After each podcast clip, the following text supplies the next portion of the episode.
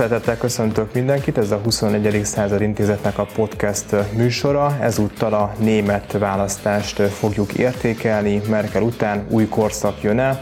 Vendégeink Pürüle Gergely, a Habsburgot Alapítvány igazgatója és Galó Béla, szociológus, a 21. század intézet tudományos főmunkatársa. Kezdjük talán azzal, hogy én reggel, amikor megnéztem a eredményeket és összehasonlításokat, ugye figyeltem, hogy az előző választáshoz képest hogyan alakultak a pár preferenciák, akkor ugye szembe tűnő, hogy a CDU-CSU veszített a legtöbbet ugye a korábbi választáshoz képest. Először Gergelyhez fordulnék, hogy mi az a fő szempont, ami miatt szerinted a CDU hát ilyen komoly veszteségeket szenvedett el? Én talán távolabbról kezdeném. Ez a csökkenés, vagy támogatás csökkenés, ez nem az elmúlt négy év eredménye. Itt három számot érdemes említeni, ez az a százalékos arány, amilyen támogatást az elmúlt, most már elmúlt három választások során a CDU kapott. 41 százalék 8 évvel ezelőtt, 33 4 évvel ezelőtt, és hát most látjuk, hogy nem egészen 25 százalékon áll. Ez egy, azt is lehetne mondani, hogy ez magában hordozza a merkeli politizálásnak voltak éppen minden sajátosságát, én nem tartozom azok közé, akik a, akik a kancellárt teli szájjal szidják, mert azt gondolom, hogy egy ilyen nagy ország vezetése az nagyon sokféle tulajdonságot követel, különösen, hogyha Európa vezető hatalmáról van szó. Egy azonban biztos, hogy mint pártvezető és mint belpolitikus, mint aki egy modernkori demokrácia pártrendszerében kell, hogy sikert elérjen, na ebben a minőségében én azt gondolom, hogy ő kudarcot vallott az, hogy az ő személyes tekintéje, ami azt lehet mondani, hogy voltak éppen párt határokon átívelő volt, ez arra volt visszavezethető, hogy az ő döntéseit sohasem igazából politikai szempontok vezették, hanem valami talán természettudományos racionalitás, ami egyébként az ő szakmai képzettségének, hiszen egy vegyész doktorról van szó, maximálisan megfelel. Én azt hiszem, hogy ez a legfőbb oka ennek a, ennek a veszteségnek, és hát ugye egy olyan országban, ahol nem lehetséges az a történelem árnyéka miatt, ami Magyarországon igen, és erről én elég sokat tudnék mesélni, és pedig az, hogy valamilyen módon a szélső jobbot is, vagy a radikális jobbot nevezzük így, és integrálni kell ahhoz, hogy egy jobboldali többség megközelítőleg legalább, és remélhetőleg tartósan létrejöjjön. Nos, ez Németországban nem lehetséges. És arra való tekintettel, hogy ebben a nagy koalíciós ágállásban, a merkeli politika nyomán az AFD, mint radikális jobboldalinak mondható párt levált, az ő kormányzó képességük az tartósan nincs meg, politikai karanténban vannak, ennek következtében ez a polgári oldal, a kereszténydemokrata politizálás úgy tűnik, hogy tartósan kisebbség. Egy kérdés ez neked, hogy a baratódás nagyon sokszor halljuk a CDU-CSU kapcsán, ezzel mennyire értesz egyet, és szerepet vállalt-e mondjuk ebben a, hát azért mélyrepülésben a CDU kapcsán? Lehet balra tolódásról beszélni, de amikor egy nagy koalíciós kormányról beszélünk, amiben olyan döntéseket kell hozni, ami a szociáldemokrata pártnak is megfelel, akkor azt gondolom, hogy ez valamiféle kormányzati racionalitásnak többé-kevésbé mindenképp megfelel. De az, hogy bizonyos ügyekben talán épp a személyes többségének, a személyes támogatásának a fenntartása érdekében a kancellár olyan döntéseket is hozott, amivel kimondottan engedményt tett a korszellemnek, gondolok itt például az atomenergiából való nagyon gyors kiszállásra, vagy a sorkatonai szolgálat eltörlésére, vagy pedig amikor az azonos neműek házasságáról volt szó, akkor voltak voltak éppen azt mondta, hogy ő ebben ugyan nem ért egyet, de mindenki lelkiismerete szerint szavaz. Most ezekben az ügyekben azt gondolom, hogy tett engedményeket a korszellemnek, Más kérdés, hogy a német társadalom, és talán Béla majd többet fog erről mondani, valóban egy olyan jóléti társadalom lett az utóbbi évtizedekben, ahol, ahol a korszellemre való fogékonyság talán még más országokhoz képest is nagyobb. Béla? Én is úgy látom, hogy távolabbról kell kezdeni ennek az eredménynek az értékelését. Én úgy 20-30 évre visszamenőleg látok egy olyan erőteljes európai trendet, ami mind arra utal, hogy az úgynevezett középpártok lett legyenek jobb, lett legyenek bal középpártok, azok lassan, de biztosan erodálódnak. Ez lezajlott Franciaországban még látványosabban, tulajdonképpen Britanniában is, és így tovább, és így tovább. És tulajdonképpen most Németországban is e- ez történt, mert ha megint három évtizedre visszamenőleg a két középpártnak a szavazatait összeadjuk, akkor közösen is látjuk, hogy hogy ugye csökkentek, és ez a mostani eredmény is az én véleményem szerint inkább a közlekedő edények törvényének megfelelő. Elvesztett körülbelül, ha jól emlékszem, e, e, másfél millió szavazót a, a mm, CDU, CSU, és ezek átmentek a, a szociáldemokratákhoz, de ez lehet, hogy egy átmeneti dolog, tehát nem, senki nem lát előre, ráadásul a kialakuló politikai helyzet az eléggé áttekinthetetlen ebből a, ebben a pillanatban és ebből a szempontból. Tehát bizonyosan arról van szó, hogy a jóléti társadalmaknak a korábban jól bevált pártstruktúrája, ami dominánsan két párt váltógazdálkodására vagy, vagy összefogásán alapult, azok, az már múlté. Tehát egyszerűen fragmentálódik a nyugat-európai pártrendszer, hogy milyen irányba és mennyire lesz ez a közeljövőben markáns, ez megint egy más kérdés, de nagyon lehet érezni ezt a trendet, és emögött, ha már Gergely utalt az én szociológiai vénámra, nyilvánvalóan azok a változások vannak, amelyek az elmúlt nem is 20-30, talán még korábbi évtizedektől kezdődött ez már, de egész egyszerűen a társadalmi struktúrában végbe mentek. Most ugye ez, most nincs itt hely és idő, hogy ezeket elemezzük, de ezeknek a különböző kisebb pártoknak a, a feltörése vagy feltörekvése az ezzel is ezzel is magyarázható. Egyrészt van egy demográfiai helyzet, ugye szerte Nyugat-Európában, ez Németországot is sújtja. Ennek a megoldására kitalált migráció enyhén szólva megosztja a társadalmat. Ugyanakkor a migráció ugye a szociális komfortérzetet is veszélyezteti a, a német, főleg alsóbb középosztálynak egy jelentős részénél, és így tovább, és így tovább lehetne ezeket a szociológiai tényezőket sorolni. Tehát én úgy gondolom, hogy igazából nagy ünneplésre a, szoc, a szocdemeknek sincs okuk, mert azért jobb eredményt értek el, ha jól emlékszem, 5-6 százalékkal, mint a legutóbbi választáson, de ez még mindig nagyon messze van attól a plafon eredménytől, amit a korábbi évtizedekben elértek, és hát ugye ezt azért, ha itt arról volt szó, hogy a, a, a Merkel mennyire ment el balra, itt az a kérdés tehető föl, hogy ők mennyire mentek el nem szeretem ugye már ezt a baljobb kifejezést, mert eléggé pókhálós fogalom bizonyos összefüggésben, de mennyire mentek el ugye jobbra? Hát ugye az teljesen világos, hogy amit ott az ottani szociáldemokrácia csinál, annak ugye nagyon sokféle értékelése van, de egy biztos, hogy ahhoz a szociáldemokráciához, amit még a Branték és a Schmitték műveltek, ahhoz már valami kevés köze van. Tehát átment egy ilyen teljesen neoliberális azonosulásba, és nyilván ez mutatkozik meg a, a, visszaesésen. Most nagy kérdés, ugye, nyilván erről még majd szó esik, hogy ez az új felállás, amikor gyakorlatilag a két kisebb párt, illetve három kisebb párt van, de ugye az ADF-et zárjuk ki ebből a koalíciós latolgatásból.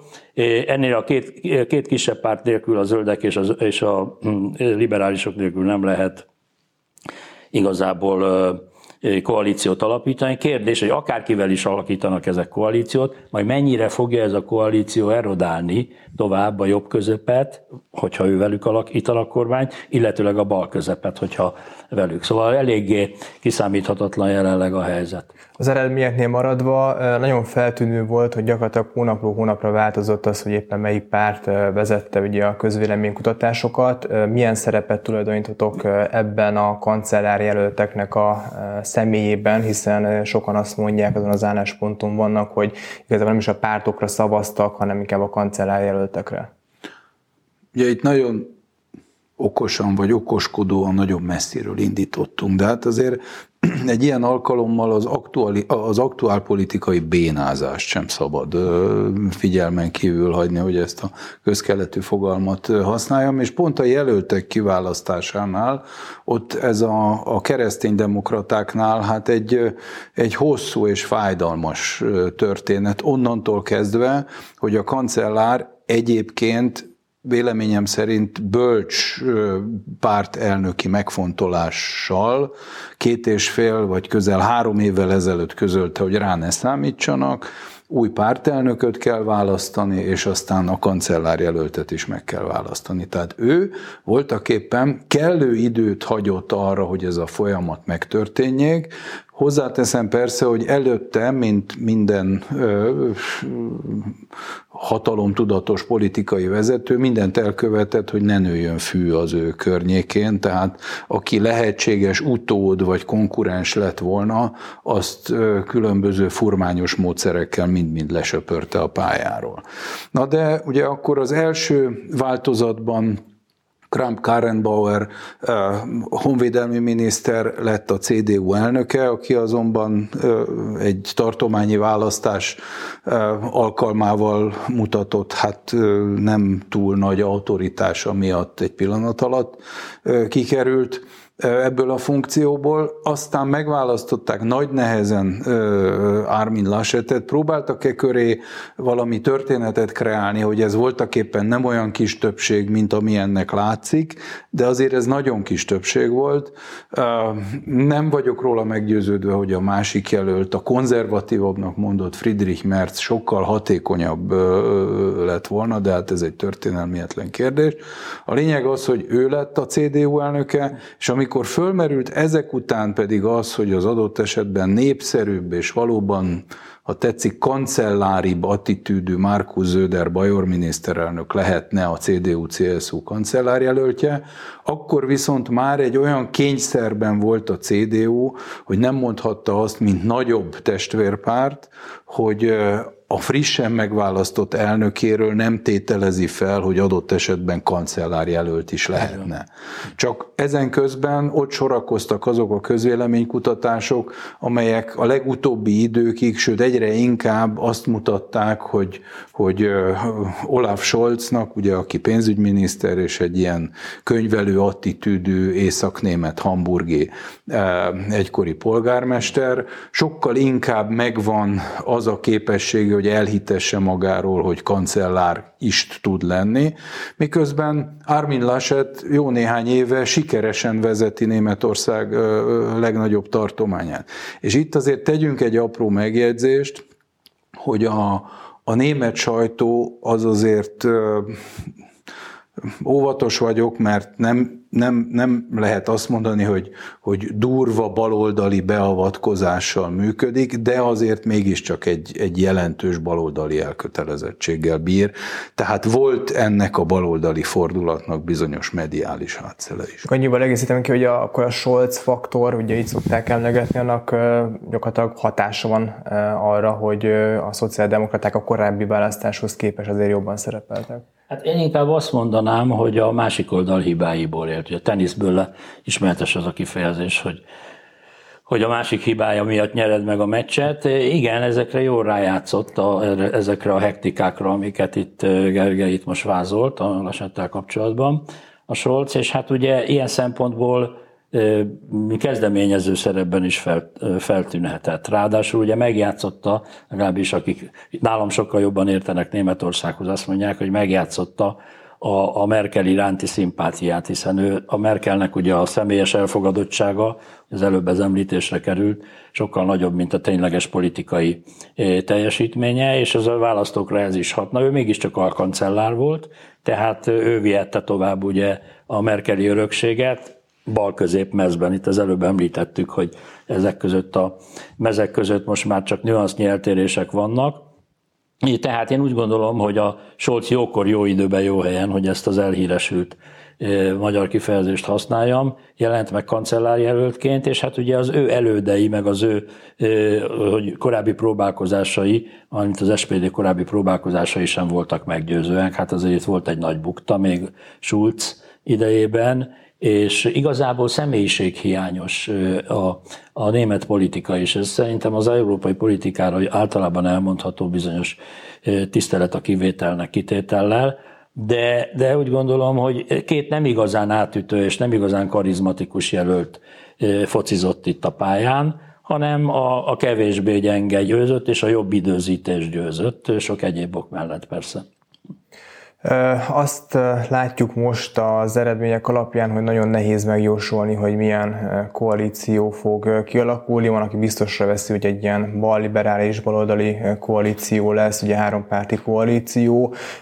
Kezdjük ott, hogy az, hogy három párt lesz valószínűleg egy ilyen német koalíciós kormányban, az jelentősen gyengíti-e Németországnak a politikai stabilitását, hiszen azért eddig ez nem volt jellemző, vagy ebben nem látok kockázatot, és eleve hogyan látjátok a koalíciókötési lehetőségeket, akár lesz-e tovább nagy koalíció, ugye emlékszünk rá korábban is fél évig ugye alkudoztak, nem akartak nagy koalíciót, mégis az lett. Ugye Németországban a kancellári rendszer az egy nagyon központi és fontos szerepet ad a mindenkori kancellárnak. A politikai főhatalom az egyértelműen az ő kezében van. Na most ennek fényében az a tény, hogy 24-25 százalékkal, tehát egy az ország történetében soha nem látott alacsony szavazati arányjal lehet valakiből kancellár, ez eleve fölveti a, a, a legitimitás kérdését, de ha a legitimitását nem ismer, azért, azért ez egy jól működő intézmény, meg alapvetően nem kell különösebb megcsúszásoktól tartani, de az biztos, hogy a, a, a rendszer stabilitását ez mindenképpen aláássa. A különös helyzet az az, hogy most voltak éppen nem egy győztes párt vezetője keres magának koalíciós partnert, hanem ebből a sajátos helyzetből, ami kialakult, és pedig, hogy az AFD a 11%-ával karanténban van, a, a Linke bekerült ugyan a Bundestagba a közvetlen mandátumok alapján mindössze 4,9 százalékkal ilyen formán kevés ahhoz, hogy azt a bizonyos horror szenáriót, a vörös-vörös-zöldet beteljesítse, és egy tisztán baloldali koalíció jöjjön létre.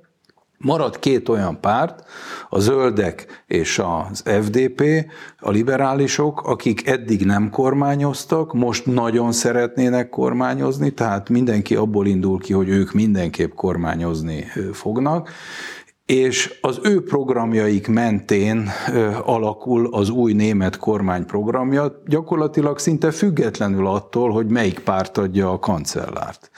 Ugye az FDP ebben a mostani rendszerben egy abszolút polgári erőként lép föl, hiszen ők azok, akik óvtak a balratolódástól, akik óvtak az adóemeléstől, akik kimondottan szabadságpárti megközelítéssel közeledtek az egyébként konszenzusos klímacélok felé is míg a, míg a zöldek egy inkább központi irányítású, etatistább vonalat képviselnek. Na most, ha ezt a két programot sikerül valahogy összefésülni, akkor már minden sikerülni fog. akkor majdnem mindegy, hogy ki akkor, és, akkor, és akkor szinte már mindegy is, hogy, hogy ki lesz a kancellár.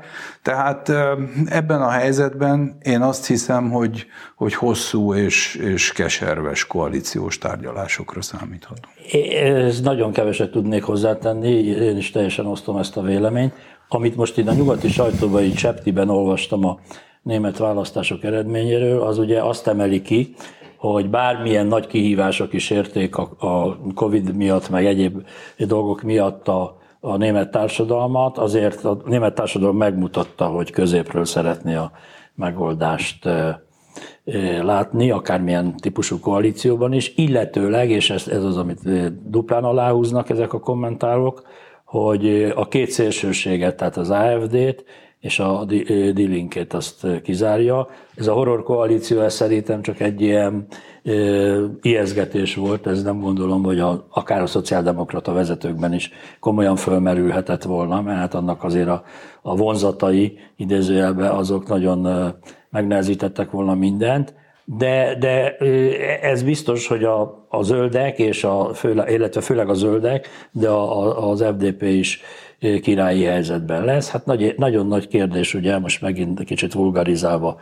hirtelen átfordítom ezt gazdaságpolitikába, hogy a nagy, német nagy tökének melyik lesz a, a, az elfogadhatóbb harmadik ö, ö, koalíciós partnerként. Nyilván nem direkt fognak ebbe beleszólni, de hát azért nyilván lesz, lesz hozzászólásuk. Tehát érdekes időszak várható.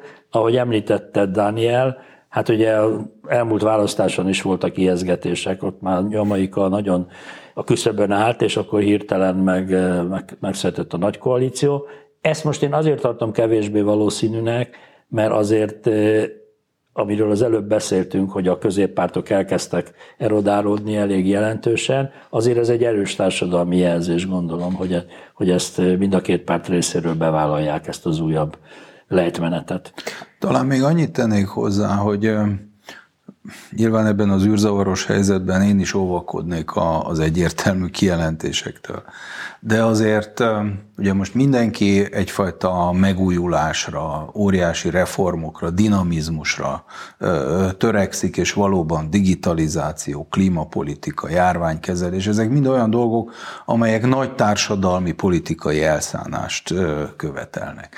Na most egy ilyen helyzetben, ha ez a két eddig nem kormányzó, és egyébként talán még a leginkább a saját maga viszonyai között győztesnek mondható párt, a liberálisok és a zöldek, ezek után azt mondják, hogy ők avval az emberrel szeretnének kormányozni, akinek a pártja éppen 8%-ot vesztett, Igen. mindezt egy ilyen média ellenszélben, én azért erre nem fogadnék ö, ö, ö, nagy tétben, még akkor is, hogy, hogyha lehet, hogy a, a, a német nagy tőke, vagy a német gazdaságnak kedvesebb lenne egy CDU-s kancellár. Igen, de itt van még két olyan tényező, ugye, amit én nem látok innen ebből a székből világosan, de hogy mi lesz az új koalíciónak a, a, a német bérekről a mondandója, mert ugye ezért ez nem egy utolsó szempont a német nagytőke felől nézve, illetőleg az adó hogy a, a zöldek koncepciója érvényesül-e, ami hát ennyi szóval nem hozható azért teljes fedésbe a, a, az FDP-vel, és melyik koalíciós partner enyhíthetné ezt jobban, és valószínűleg én is azt gondolom, hogy egyetértek Gergelyel, hogy, hogy minden, abba az irány, minden vektor abba az irányba mutat, hogy az SPD-vel alakítsanak, de a bizonytalanság az, az egy standard politikai. Bocsánat, ne arra Dani, még csak annyit tennék hozzá, hogy a, Ugye említetted ezt a, a bizonyos bérekre vonatkozó Igen. mondásokat, ugye, hogy Scholz nagyon elköteleződött a minimálbér megemelése Igen. mellett. Ugyanakkor tegyük hozzá, és ugye felidézzük magunkban Donald Trump ebben kapcsolatos gondolatait, ugye a német versenyképesség egyik kulcsa az, hogy olyan őrült alacsonyan vannak tartva a bérek a gazdaság teljesítő képességéhez képest, hogy az a gyanúm, hogy hogyha ennyivel megemelik a, a minimálbért, még akkor is bőven, bőven a, a, a gazdasági dinamizmus és a versenyképesség a határain belül maradnak. Ugye rátérünk a versenyképességi kérdésekre, de még előtte ugye az SPD-nek a kancellár jelöltje a legesélyesebb arra, hogy Németországnak a következő kancellárja legyen, de még azért a CDU-CSU jelöltje lesett sem ez kizárható teljes mértékben. Hogyan látjátok, mennyire játszott számítottak rá ők ketten a Merkeli eh, politikára, Merkeli konszenzusos eh, politikára, mennyire akarják utánozni, vagy továbbvinni azt a típusú eh, politikát, amit Merkel képviselt? Hát ez előbb már említettem, hogy szerintem az alkancellár, aki ugye a Scholz volt, az Olaf Scholz volt, ő szerintem ügyesebben játszott rá erre, ráadásul Gergely már említette, hogy hogy Lasetnek, ha rá is játszott erre a Merkeli imázsra, azért volt egy-két olyan kommunikációs szempontból finoman szólva Bakinak nevezhető Momentum a választási kampány során, ami nyilván ugye nem, nem volt összeegyeztethető a Merkeli imázsal, aki egy vég, végletekig racionális és egy, és mondjam, az érzelmeket szinte nélkülöző politikusként mutatkozott meg. Tehát én úgy gondolom, hogy ez tudatos volt mind a két részről, de szerintem a szozdemek ezt jobban abszolválták ezt a feladatot. Ugye ez a, hogy most mit jelent ez a, ez a bizonyos merkeli örökség? Én azt gondolom, hogy nagyon nehéz ezekbe a, ezekbe a lábnyomokba belelépni, és nem azért feltétlenül, mert, mert ezek valami olyan óriási politikai teljesítményt jelentenek, hanem ez valóban egy teljesen unikális életút hogy valaki Hamburgban születik, de aztán az evangélikus lelkész papa tegyék, tegyük hozzá valamelyest ideológiai elkötelezettségből átköltözik Kelet-Németországba, mert úgy gondolja, hogy ott a misszióra is nagyobb szükség van. Ő ott nő föl, gyakorlatilag elfogadja az establishment működését, forradalmi lendületnek nyomát sem látjuk, van egy tudományos karrier, ami hirtelen a sor sajátos játéka kapcsán keveredik ő a kereszténydemokrata körökbe, Ugyanígy kerülhetett volna a szociáldemokrata körökbe is, és ott indul meg pont a, az éles esze és a lényeglátó képessége nyomán az a politikai karrierje, ami végül is az, az össznémet CDU élére helyezi. Na most ez egy, ez, ez, ez olyan adottságok sorozata, amit se egy ilyen igazi rajnai típusú jókedélyű ember, mint Armin Laschet a maga, a maga katolikus gyülekezeti és kórus tagságával, sem pedig ez az igazi szolid, szikár, hamburgi könyvelő mentalitású ember ezt egy az egyben nem fogja és nem is akarhatja átvenni. Az pedig, hogy a, hogy, hogy a német politika voltak éppen ennyire ideológiamentes és ennyire, ennyire szikár, legalábbis ami a, ami a, a látványos értékválasztásokat, és különösen a kereszténydemokrata elkötelezettséget jellemzi az utóbbi időben, az pedig, az pedig megint csak egy olyan adottság, amiről nem állítom, hogy nem lehetne változtatni rajta, de ahhoz viszont egy nagyon tisztán látó a világpolitikai és a belpolitikai, társadalmi, gazdasági folyamatokat egyaránt felfogni képes, karizmatikus politikusra lenne szükség. Hát igen, és egy csak lábjegyzet hozzád, hogy, hogy az a nagy kérdés, a nemzetközi politikában mi jön, mert ott azért Merkelnek volt tekintélye, hát egy időben emlékezzünk vissza, amikor amikor Trump győzött, akkor hirtelen kinevezték a nyugati liberális világ vezetőjének őt. Tehát e, ebbe a lábnyomba egyébként abban az értelemben nehéz lesz belépni, hogy azért ott, ott azért kitaposott valamit, aminek volt súlya, meg van is ugye hatása. Nem, nem ismerem a két úrnak a, a nemzetközi hozzáértését, feltehetőleg német politikusról van szó, azért, azért van nekik, csak, csak kérdés, hogy ezt mennyire tudják majd megvalósítani. Tehát ez is egy érdekes szempont. Ha már nemzetközi vizekre vezünk, akkor térjünk is át.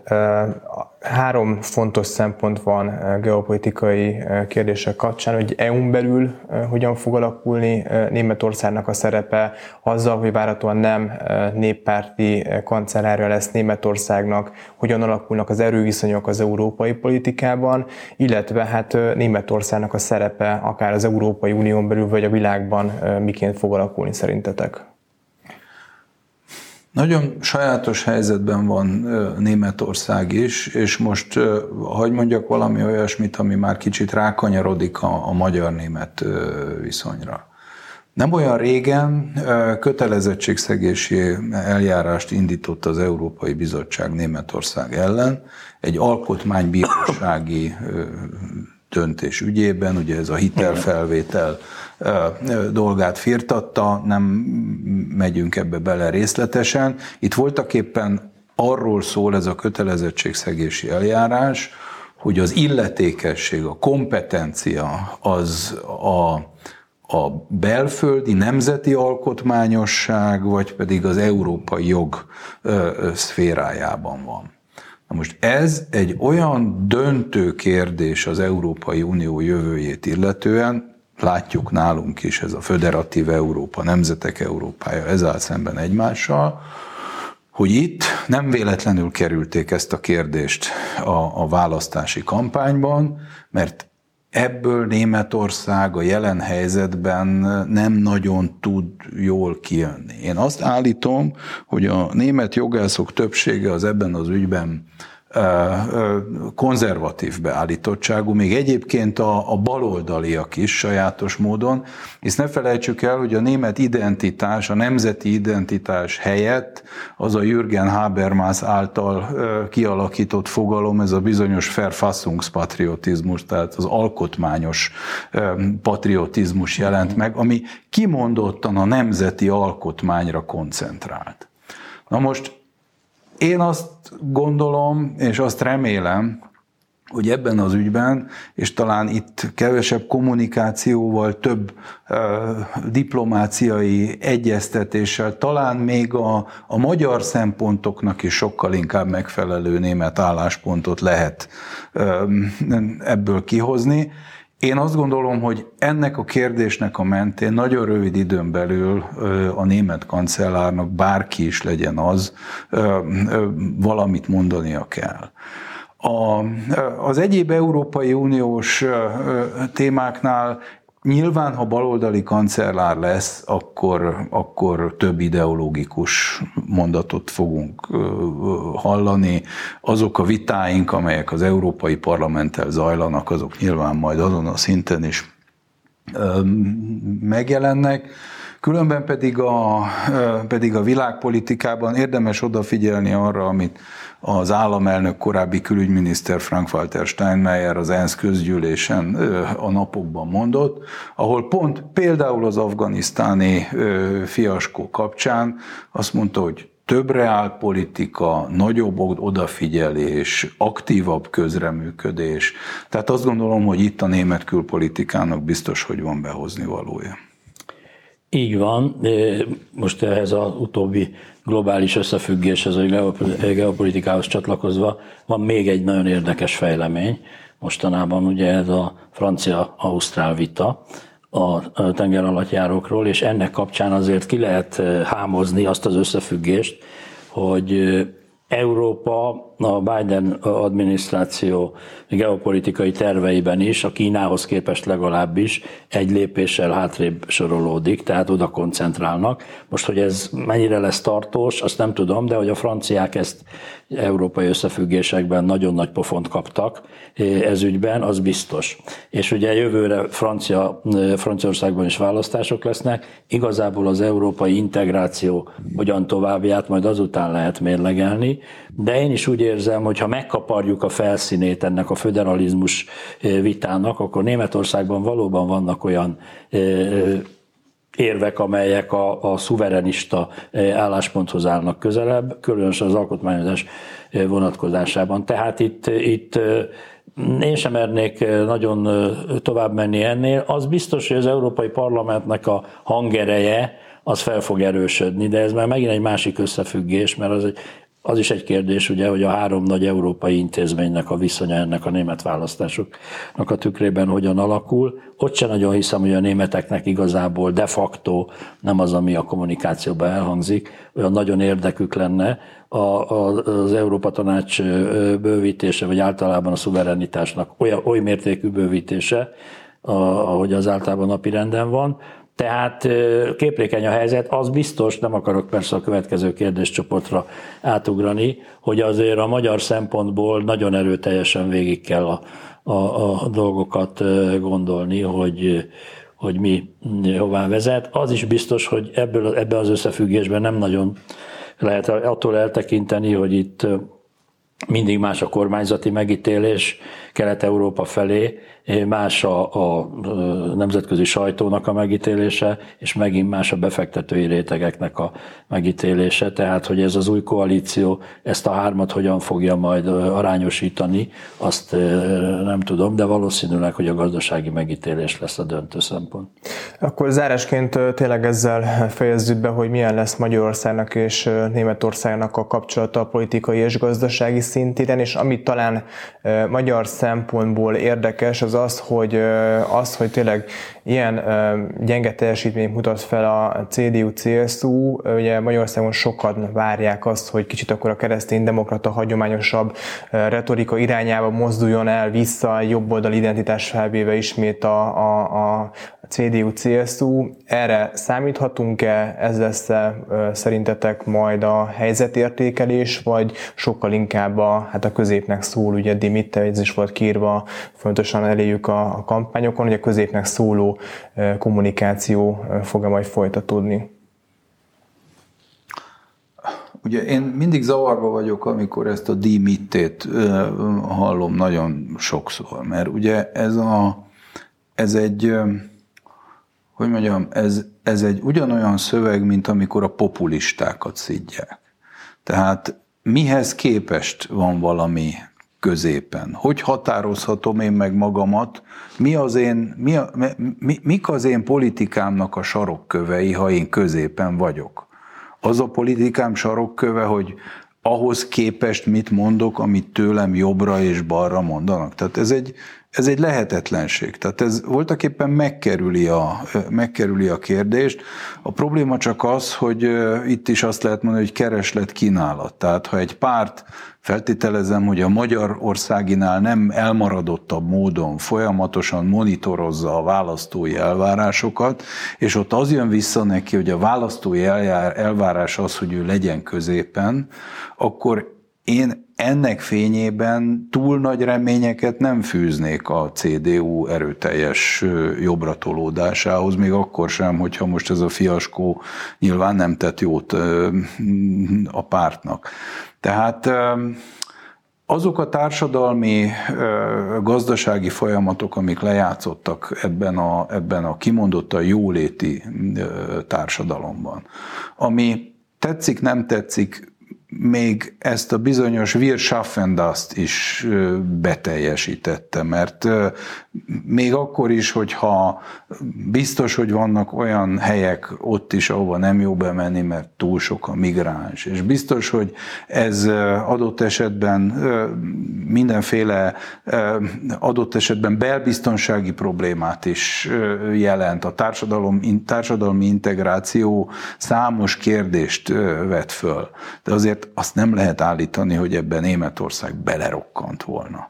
Tehát erről nincs szó, ugyanakkor viszont az a fajta kiüresítése minden olyan gondolkodásnak és olyan tartalomnak, amelyek mondjuk ezeket a hagyományos polgári kereszténydemokrata értékeket erősítette volna, aminek zárójelbe jegyzem meg egyik súlyos következménye, hogy évente 30, 40, 50, 60 ezer ember lép ki a, mind az evangélikus, mind a katolikus egyházból. Nos, ennek az a következménye, hogy társadalmi szinten is jelen van ez, ha tetszik, balratolódás, vagy ennek a bizonyos középnek egy ilyen meghatározatlan, igazából ideológiailag, eszmeileg nehezen elhelyezhető jellege. Igen, hát a, a változások, amik az új, bármi is lesz az új koalíció, azok úgy kiegecesednek, hogy ezt a keresett kifejezést használjam, azok azért hosszabb távon lesznek majd észlelhetők és érvényesíthetők. De ugye, ha praktikusan nézzük, jövő tavasszal magyar választások lesznek, és bármilyen konstelláció áll is fönn most Németországban, az egészen biztos tapasztalni fogjuk, hogy azok a közvetítések, amelyek kezd, ugye, ezekkel begyűrűznek Magyarországra ezek a változások, ezek mind a jelenlegi kormány koalíció ellen fognak felerősödni. Hát már a ma reggeli interneten is lehetett olvasni, hogy megvalósult Orbán Viktor rémálma, még, még azt se tudjuk, hogy mi ez a rémálom, de már megvalósult, az biztos Szóval én úgy gondolom, hogy arra számítani lehet, hogy bármi lesz is a német jövő a kiszámítható időn belül, ennek a negatív